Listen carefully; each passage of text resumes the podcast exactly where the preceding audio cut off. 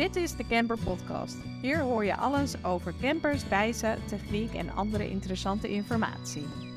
Wij nemen je mee in deze fantastische wereld en bespreken alles wat erbij komt kijken. Hey, wat leuk dat je luistert naar de Camper Podcast. Mijn naam is Marlies Spippel en ik ben super enthousiast over campers en reizen. En ik ben Peter, vooral geïnteresseerd in techniek en de achterliggende informatie. Samen hebben we flink wat ervaring op het gebied van campers en reizen en daarom nemen we jou mee in deze aflevering. Zo Peter, welkom bij de podcast van vandaag. We gaan het hebben over waar moet een camper aan voldoen. Ja. En eh, weet jij dat een beetje? Ja, ik heb er best wel een idee bij. Ehm, want er zijn nogal wat dingen waar je busje aan moet voldoen voordat hij goedgekeurd kan worden als camper. Ehm, er zitten nogal wat eisen aan het soort busje wat gebruikt kan worden. Ehm, we moeten nadenken over hoe de RDW er naar kijkt. Het gaat over de keuring. Maar ook de Belastingdienst heeft er een eh, mening over. Er zijn wat gewichten waar, eh, waar, je, waar je over moet nadenken. Waar, eh, waar zullen we mee beginnen? Welke, welke, welke vind jij het allerbelangrijkste om mee af te trappen? Ik denk dat het belangrijkste is om eerst eens te bespreken welke bus kun je nou eigenlijk gebruiken. Welke bus? Oké. Nou, ehm, ik wil graag een Mini Cooper ombouwen tot Ja. camper. Kan dat? Tuurlijk, nee hoor.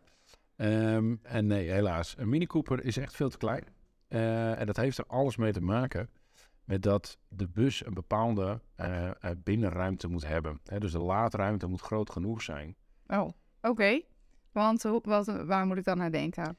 De Belastingdienst en de RDW die hebben op hun website daar een artikel over staan. En het komt erop neer dat er een ruimte moet zijn van 2 meter lang. Het moet minimaal 1,70 meter hoog zijn en 90 centimeter breed. En dat is een soort, dat noemen zij een denkbeeldig blok. En dat moet in de bus passen.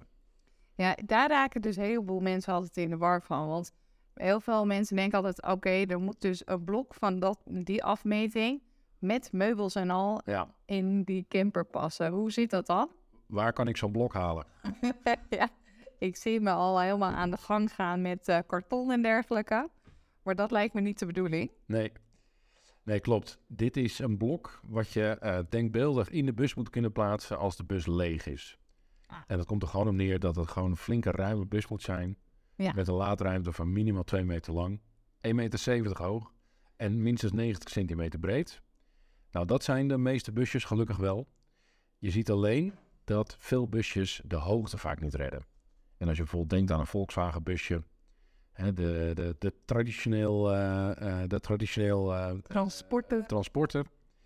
Eh, en dan mag daar een heftak mag erop. Oké. Dus er zijn wel wat mits in de maren.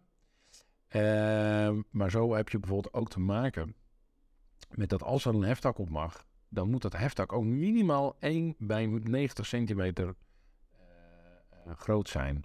Dus je kunt niet een dakluikje maken van 10 bij 10 centimeter. Nee, dat, eh, dat geldt niet. Dan moet een flink, eh, een, flink, eh, een flink luik zijn. En je ziet dus dat je eigenlijk altijd erop neerkomt dat het dus gewoon een hefdak is. Waar je, eh, zoals je ze kent, die gaan dan schuin naar voren of naar achter gaan die open. En zo voldoe je aan die, eh, aan die inrichtingseisen. Oké, dus nou, dat is een beetje qua, qua ruimte hè, en, eh, en, en type bus. Ehm, ik hoor heel vaak eh, mensen het hebben over een, eh, een keuken. Dus ze willen dan graag zo'n lade maken met een uitschuifbare keuken. Maar mag dat dan wel? Ja, in principe, van mij mag je alles maken in een bus wat je wil. Maar de RNW en de Belastingdienst vinden natuurlijk wel dat een camper moet een keuken of wat zij zeggen een kookgelegenheid hebben. Er moet ook een opberggelegenheid moeten zijn. Er moeten zitplaatsen in zitten. Er moet een bed in zitten. En alles moet in het, wat zij noemen, het woongedeelte zijn bevestigd. Het vervelende is, er zijn niet hele specifieke regels over, over hoe groot dan een keuken moet zijn. We weten bijvoorbeeld dat een jerrycan met een magnetron is ook al een keuken. Maar het bed bijvoorbeeld moet wel 1,80 bij 90 zijn voor een eenpersoons en 1,20 breed voor een tweepersoons. Ehm, dus dat zijn wel zaken waar je rekening mee moet houden. Eh, de zitplaatsen moeten eh, ook in het busje zitten, dus in het woongedeelte. Maar het kan bijvoorbeeld ook zijn een bed wat je opklapt of een voorstoel die je kunt draaien. En de opberggelegenheid, ja, ik heb zelfs een keer gezien dat iemand een kluisje als een opberggelegenheid had eh, goedgekeurd gekregen. Dus ja, er, er is eh, beleid over, maar eh, er zijn niet specifieke eisen over hoe groot dat soort dingen moeten zijn. Wat ik wel begrijp is van die keuken, ehm, nou, er wordt behoorlijk mee gesjoemeld soms. Ehm, de, de Belastingdienst is daar volgens mij wat, wat strenger in dan, dan de RDW. Ja. Eh, er wordt bij mij heel vaak gevraagd, ja, maar ik heb toch een buitenkeuken, dus eh, mijn lade die schrijft uit en dan kan ik lekker buiten koken. Eh, maar mag dat dan wel van een belastingdienst? Nee, dat mag niet zomaar. De Belastingdienst die stelt dat de keuken moet van binnenuit te gebruiken zijn. Dus je ziet sommige ontwerpen dat je een lade hebt die zowel naar binnen als naar buiten kunt kan schuiven. Of iets wat je vanuit de binnenkant kunt gebruiken, maar ook naar buiten kan draaien. Dat mag allemaal. Maar het moet normaal te gebruiken zijn binnen in de camper. Wat dan precies normaal is, dat hangt af van eh, de individuele eh, eh, meneer of vrouw die jouw geval natuurlijk beoordeelt. Maar als je er zelf al over twijfelt, dan is er een grote kans dat de Belastingdienst al, eh, al afwijst. En heeft het keukenblok nog een, een, een bepaalde hoogte nodig? Ja, er zit een bepaalde hoogte zit eraan. Als ik het goed heb, is dat 60 centimeter is dat hoog. En moet voorzien zijn van een was- en een kookgelegenheid. Ehm, een was- of kookgelegenheid kan natuurlijk zoiets simpels zijn als een klein kommetje met een klein kraantje erbij. Ehm, eh, maar dat keukenblokje, dat moet wel vaststaan. Hè? Dus het mag niet een dingetje zijn, een, een dienblad wat je op je bed zet bijvoorbeeld. Ah, nee, oké. Maar stel je voor, hè. Ik heb zo'n eh, een los eh, kookplaatje, een elektrisch kookplaatje, helemaal chill. Eh, en die kan ik ook voor buiten gebruiken, want dat vind ik eigenlijk veel lekkerder. Ik wil niet elke keer koken in die camper. Is dat dan oké dat ik gewoon zo'n losse kookplaat in, op, op mijn keukenblok zet? We zien het wel voorbij komen, maar ik zou het afraden. Eh, niet alleen heb je kans dat het niet wordt goedgekeurd. Je moet er ook even bij stilstaan dat als je een keer een noodstop moet maken, je misschien die kookplaat achter in je nek hebt zitten. Oh ja. Ehm, de, de regels zijn dat het een vast keukenblokje moet zijn met een kook- en een wasgelegenheid. Dus mijn advies is altijd, maak een normaal, net als dat je dat eh, bijvoorbeeld thuis ook zou hebben in de keuken, een vaste kookplaat, vaste waskom ehm, eh, en loop daar geen risico mee. Sowieso voor de veiligheid, maar ook voor de keuring. En eh, hoe zit het nou met dat bed? Ja, dat bed, dat is interessant hè. Dat bed, dat moet dus, ehm, ik zie hier de cijfers voor me staan, dat bed dat moet 1,10 meter breed en 1,80 meter lang moet het zijn, als het voor twee personen is. Is het voor één persoon, dan moeten er twee bedden zijn en dan mogen ze 60 centimeter breed zijn per stuk, maar nog steeds 1,80 lang. Ehm, je ziet dat niet zo gek veel. Wat je vaak ziet is dat je een, een bed hebt wat gewoon minstens 1,10 breed is en dat je dan in kan schuiven tot één bed bijvoorbeeld, mocht dat nodig zijn. Ehm, want je zit er natuurlijk ook nog eens een keer mee dat stel je gaat de bus ooit verkopen. eh, dan is een bus met één slaapplaats eh, over het algemeen niet heel erg goed courant meer. Nee, dat snap ik wel. En wij, eh, doen heel vaak keuringen. Hè? Elke, we- elke maand hebben wij eh, de RDW hier op de, op de stoep staan. Om van alles en nog wat eh, te controleren. Ehm, hoe zit dat nou met die draaiplateaus en die extra eh, eh, gekeurde zitplaatsen? En eh, dat heftak wat voorbij de B-stijl eh, wordt uitverzaagd. wat zijn daar de regels dan in? Ja, het zijn een paar verschillende dingen. Laten we het eerst even over het heftak hebben. Ehm, veel busjes hebben een heftak. Sowieso ook auto's die hoger zijn, kunnen ook een heftak hebben. Eh heftaken die door de stijlen heen gaan, en met name door de B-stijl. Dus dat is de stijl waar je autogordel over het algemeen vast zit. Dus die, eh, zeg maar, eh, eh, als je voor de, voor de deur staat van je auto, dan is het zeg maar de rechterkant van de deur. Eh, als, je, als je instapt als bestuurder. Ehm, als we dus een gat in het dak maken, wat aan de bovenkant voorbij die B-stijl gaat, dan wil de RDW daar precies van weten hoe dat bevestigd is. Dus welk dak is gebruikt, welke documentatie zit daar precies achter. Ehm, en daar moet een oordeel over geveld worden of dat veilig is of niet. Ehm, we weten niet zo gek veel over de achterliggende motivatie hierin van de RDW. Maar dat heeft er alles mee te maken met dat men zeker wil weten dat de auto eh, heel blijft op het moment dat er een ongeluk plaatsvindt. En dan stelt dat ding dat belandt op zijn dak in een, eh, in een berm, dat hij dan niet eh, helemaal platgeslagen wordt, omdat eh, eh, alle stru- structurele elementen weggezaagd zijn.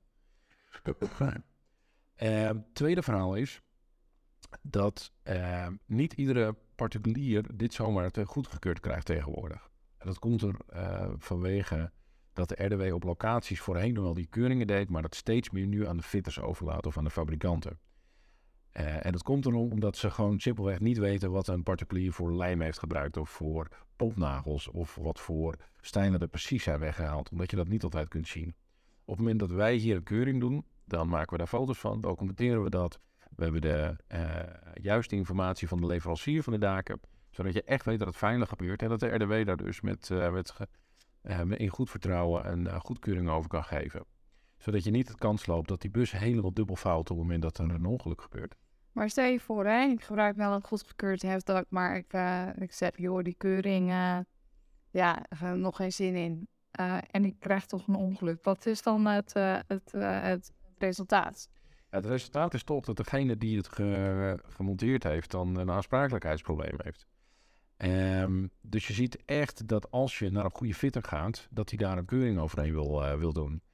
Uh, geen keuring betekent gewoon dat je in feite niet veilig rondrijdt. En als het dan misgaat, en er wordt uh, een, een, een, ja, hè, ze willen weten, hoe komt het dat er twee mensen doodgereden zijn? En ja, dan kan het dak wel veilig zijn, maar dat wil niet zeggen dat het ook volgens de juiste instructies gemaakt is. Dus de RDW die wil echt gewoon zeker weten, zijn de juiste spullen gebruikt? Is het bij een fitter gedaan waar dat, waar dat goed gebeurt? Is het controleerbaar? En is het gewoon veilig? Zodat je geen gezeik hebt. En wat ik ook best wel vaak zie met uh, draaiplateaus is dat of het wordt achteraf ingebouwd na de keuring. Um, of hè, dat, we komen vaak hier bussen tegen waarbij de RDW zegt, oh, het is helemaal niet bekend dat er een draaiplateau in zit. De mensen zelf weten dat misschien ook niet altijd. Hoe kunnen zij nou checken of het draaiplateau wat zij hebben ingebouwd, of dat ook helemaal goedgekeurd is door de RDW? Ja, dat is lastig om achteraf uh, vast te stellen. Uh, in principe, als jij een camper van een groot merk hebt gekocht, dan hoef je hier niet zo heel veel zorgen over te maken. Uh, maar heb jij een, een camper door, door een timmerman laten bouwen en die gooit er een draaiplateau in, uh, en er, er heeft geen keuring plaatsgevonden. Ja, dan kun je er wel van uitgaan dat het misschien niet op de goede manier gedaan is. Maar ik heb allemaal uh, certificaten mee uh, gekregen Ja. Daar staat ook in dat die helemaal gekeurd is. Nee, dat moet echt tijdens een, een keuring bij een fitter moet dat plaatsvinden. Bij een fabrikant. dat kun je als individu en niet zo 1, 2, 3 doen. vroeger was dat een stuk makkelijker, maar tegenwoordig is dat echt strikt. Als dat dus niet bij een goede fitter gebeurt, dan is er een grote kans dat dat dus gewoon niet gekeurd is. En dan loop je dus wederom weer het probleem dat als er dus ooit eens een keer wat misgaat, dat je dus een aansprakelijkheidskwestie hebt. Oké, okay, nou, dat, voor de draaiplateaus is dat denk ik wel, wel helder, hè? Um, nou wil ik in mijn camper um, extra zitplaatsen creëren, want de kinderen moeten ook mee. Um, moet ik dan een dubbele cabine kopen? Of um, kan ik dan extra zitplaatsen uh, erin zetten en mag dat dan gewoon met een willekeurig bankje? Nee, was het nou waar? nee, het mag niet met een willekeurig bankje. Uh, ook hiervoor zijn er heel specifieke uh, eisen en, en, beleid vanuit de RDW. je moet het zo zien dat iedere zitplaats in een auto wordt door de RDW precies beschreven. Dus hoe is hij geconstrueerd? Welke documentatie zit erachter? Welke materialen zijn erbij gebruikt? En is dat conform de instructie van de fabrikant gedaan? Als je dat dus niet hebt, dan heb je dus gewoon simpelweg geen goedgekeurde zitplaats. Dus een leuk getimmerd bankje, uh, ook al uh, zit er 100 kilo staal zit erin, is niet per definitie veilig. En nogmaals, het gaat er niet om of de constructie veilig is, het gaat erom of het juridisch veilig is. Dus zodra de RNW daar hun zegening over hebben gegeven, om het zo maar te zeggen, dan kun je dat gewoon goed gebruiken en is er geen gezeik met aansprakelijkheid. Daarnaast zie je dat in principe al deze constructies door de fabrikant getest worden. Dus er wordt een stresstest gedaan en dan nemen ze een oud chassis, dan lijmen ze zo'n rail in of dan schroeven ze er zo'n bankje in en dan trekken ze dat chassis helemaal krom om te zien bij hoeveel krachten uh, dit nog wel of niet goed gaat. Een beetje een Euro 1 cap test met die vijf sterren bijvoorbeeld. Uh, als al die elementen goed zijn, dan kun je dus gewoon met vertrouwen op, pad en hoef je niet zo zorgen te maken over dat het niet goed zit. Dit is echt een onderdeel, uh, hier moet je niet mee gaan, gaan want dat is het gewoon niet waard. Als je verzij krijgt en je krijgt een ongeval, dan wil je niet dat zo'n bankje door de vooruit naar buiten vliegt, uh, omdat het maar met twee, twee schroeven vast zit. Dat moet gewoon echt goed zitten. Nou, dat is, lijkt mij inderdaad wel belangrijk om dat goed, goed te hebben. Uh, wat uh, zijn nog andere dingen die belangrijk zijn bij, uh, nou, bij het ontwerpen van een camper? Waar moet je nog meer over nadenken? Bij het ontwerpen van een camper ehm, zou ik zeggen, kies een chassis wat voor jou geschikt is. Dus stel voor je woont in de stad en eh, je hebt niet de mogelijkheid om een, eh, een bus van 7, 8 meter eh, in de straat te parkeren. Kies iets wat, wat, wat, wat in, een, in, een, parkeervak werkt. Ehm, een lengte 1 transporter bijvoorbeeld is geloof ik 5,60 meter, 5,5 meter. Dat kun je prima in een parkeervak kwijt. Zou je eventueel nog als dagelijkse auto kunnen gebruiken. En met een heftak erop kun je gewoon in principe altijd zo op pad. Wat je vaak ziet is dat mensen die veel weekenden weggaan, die kiezen voor zoiets. Ehm, die bijvoorbeeld van fiets houden en denken, goh, ik woon in Amsterdam en ik wil lekker fietsen op de Utrechtse Heuvelrug. Eh, maar ik wil wel lekker even thee of koffie kunnen zetten als ik er ben. Nou, dan is dat natuurlijk ideaal. Ehm, aan de andere kant, als je zegt, joh, ik wil zes weken eh, lekker door Frankrijk heen. ehm, dan is misschien een integraal camper of een grote buscamper wat meer geschikt voor jou. Ehm, omdat je natuurlijk veel meer bergruimte hebt. Vaak met vier personen binnen kunt slapen. eh, en gewoon iets meer flexibiliteit erin hebt. Eerlijk is eerlijk, die grote dingen eh, kun je natuurlijk geen Franse dorpjes mee door. Dat doe je ze vaak geen plezier mee. Eh, je ziet het wel eens gebeuren. Zo'n slagschip wat helemaal vast staat in zo'n eeuwenoud dorpje. Maar dat is een beetje lullig natuurlijk. Maar dat zijn wel de eerste dingen waar je natuurlijk naar moet kijken. Vervolgens wil je natuurlijk weten van, goh, wat, welk budget is daar dan voor nodig? Want de ene camper is toch, de andere niet. Eh, je zou bijvoorbeeld voor een tweedehands camper kunnen kijken. Je zou bijvoorbeeld kunnen kijken voor een, eh, een eh, ja, wat, wat goedkoper geprijsde camper. Eh, er zijn echt heel veel keuzes in te maken. Eh, maar daarvoor zou ik wel echt even op zoek gaan naar een aanbieder die dat, eh, die dat goed voor je kaart kan brengen. Nou, goed dat je dat zegt, want eh, ik weet dat wij zijn inmiddels ook al bezig met onze derde camper. Wat vind jij nou het allerbelangrijkste van een camper? Wat is voor jou nou echt een, een, een, een reden om een bepaalde chassis te kiezen? Ehm, een goed chassis kiezen is bijvoorbeeld, ik vind de Mercedes Sprinter een fijn chassis hierin. Eh, ik ben zelf wat langer en dan is het fijn als je een bus hebt waar je niet alleen rechtop in kan staan, maar waar je ook comfortabel in kan, eh, in kan rijden. Eh, daarnaast vind ik het belangrijk om een goed bed te hebben. Je ziet dat sommige campers hebben dan een dun matrasje op een plank liggen. Ja, dat vind ik persoonlijk niet heel fijn. Geef mij maar liever een lekker matras. Ehm, zodat je natuurlijk toch uitgerust op als je bed uitkomt. Oké, oké, dus slapen is een Ja. belangrijk onderdeel, maar dan moeten de kinderen nog mee. Ja, die van ons die gaan natuurlijk in een tentje mee. Dus ja, die, die mogen lekker in het gras een tentje uitwerpen. En dan vind ik het goed. Dus met twee slaapplaatsen binnen, dan heb ik het wel eh, gehad. Als de, als de hond maar binnen past.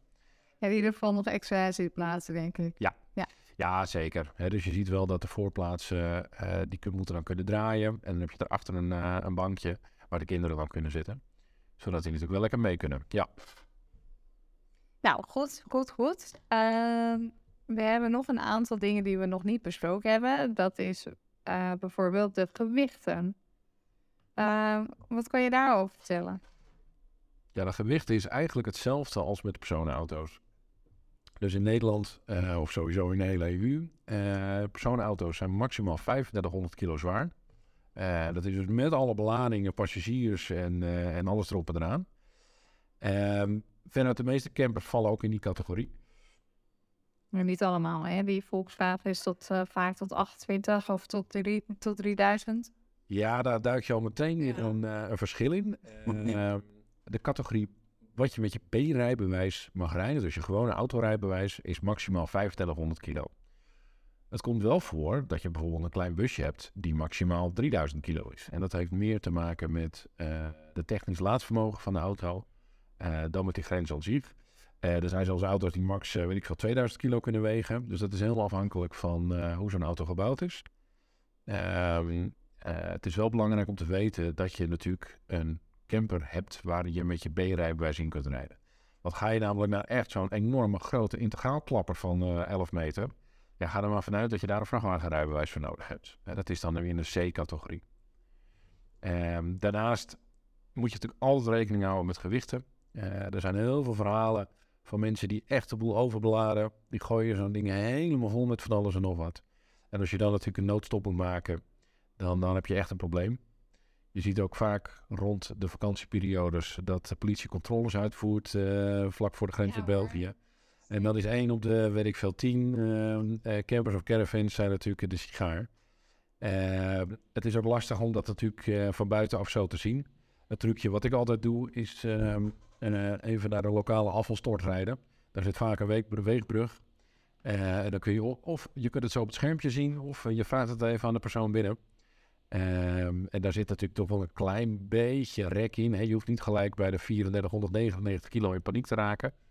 Maar ehm, ja, als je, als je er 200, 300 kilo overheen zit en je vrouw en je kinderen moeten er mee, dan... eh, Dan weet je dat je aan de, aan de slag bent. Ja. ja. Een oplossing die we vaak nu wel doen voor klanten is als we bijvoorbeeld een grens hebben van 3000 kilo, is dat we zwaardere veren eh, plaatsen. Dan kan die, eh, die grens dus eh, naar, naar de 3500 kilo bijvoorbeeld. Ehm, en geeft het vaak net eh, de ruimte die je nodig hebt. Dus ja, vaak is er ook wel een mouw in aan te passen. Oké, nou ja, dat is wel fijn om te weten. Ehm, stel je voor, hè, nou ja, ik heb vaker als klanten, nou als klanten hier komen, eh, dan hebben ze heel veel ideeën en plaatjes en dan komen ze met eh, de meest ja, genieuze indelingen. En dat moet dan in een, in een sprinter lengte 2. Wat, eh, wat is jouw idee er vaak bij? Er moet dan vaak een, eh, een douche in en een lengtebed en eh, extra zitplaatsen. En ah, er moet dan nog een keuken in. En, en dat allemaal eh, in een mini. Ja, dat is het, eeuwige, het eeuwige ding natuurlijk. Mensen willen een Mercedes in een Fiat hebben.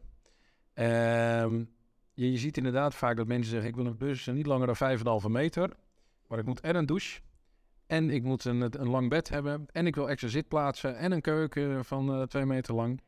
Dat is, gewoon, eh, dat is gewoon lastig om te maken. Je zult aan de voorkant de keuze moeten maken. Hè? Wil ik eh, een enorme grote ruime camper met lengtebedden en een hoop kastruimte? Ja, dan wordt het al snel een lang ding. Daar, daar, daar ontkom je gewoon niet aan. Je hoort ons al een beetje over een lengte 2, lengte 3, hoogte 1, hoogte 2. Uh, maar misschien wel goed is om te vermelden dat dit per fabrikant uh, verschillend is. Ja. Want daar uh, zijn ook vaak uh, verwarringen over. Dat nou ja, mensen bijvoorbeeld denken dat de Ducato lengte 3, die is uh, 5 meter en 99, dat die dezelfde lengte heeft als een Sprinter lengte 3. Nee, nee, er zit een enorm verschil tussen.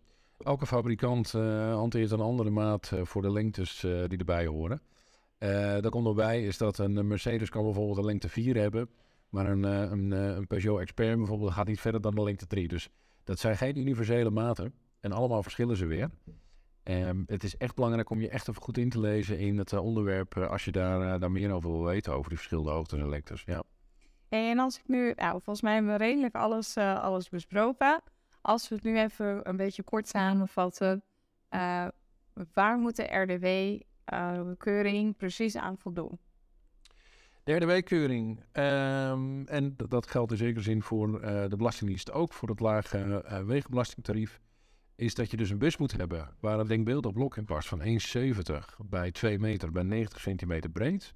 Met een heftak uh, mag de bus lager zijn. Um, er moet dus een kook- en een wasgelegenheid in zitten. Er moeten twee zitplaatsen in zitten en er moet een bed in zitten van of 1,80 bij 1,10 of twee losse bedden van 1,80 bij 60. Er moet een opbergmogelijkheid, een opbergmogelijkheid moet erin zitten. Er moet een vast keukenblok in zitten met dus die was- en kookgelegenheid. En dat moet op een normale manier vanuit binnen te gebruiken zijn. En waarbij normaal dus ter uh, beoordeling aan de RDW en de Belastingdienst is. Daarnaast uh, volgt uh, het afrekenen van de BPM. Daar hebben we het ook helemaal niet over gehad. Misschien moet jij dat nog even toelichten, Marlies? Oh, die BPM. Ja, dat is vaak uh, ja, een, uh, een, wereld die mensen ook niet zo heel goed snappen.